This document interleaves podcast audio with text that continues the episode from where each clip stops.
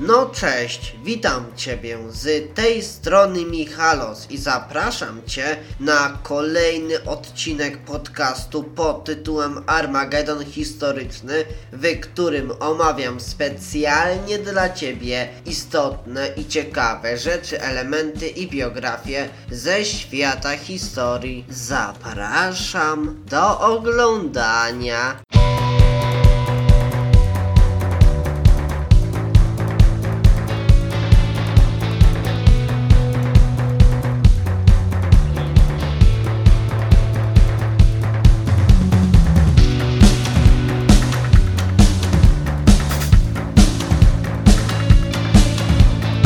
A tematem tego odcinka będzie zawieszenie broni w 1918 roku, czyli tematem dzisiejszego odcinka będzie koniec I wojny światowej. Abdykacja cesarza Wilhelma ułatwiła rozmowy między państwami centralnymi a Ententą w sprawie warunków zawieszenia broni, no a w rozmowach nie uczestniczyli czyli oczywiście na szczęście przedstawiciele bolszewickiej Rosji, sowieckiej Rosji, która sama wyeliminowała się z wojny, zawierając omawiany już traktat w Brześciu, a ostateczny rozejm podpisany został 11 listopada w Redhons w lasach pod Kambicz, a w ciągu 14 dni wojska niemieckie miały ewakuować się z Belgii, z Francji,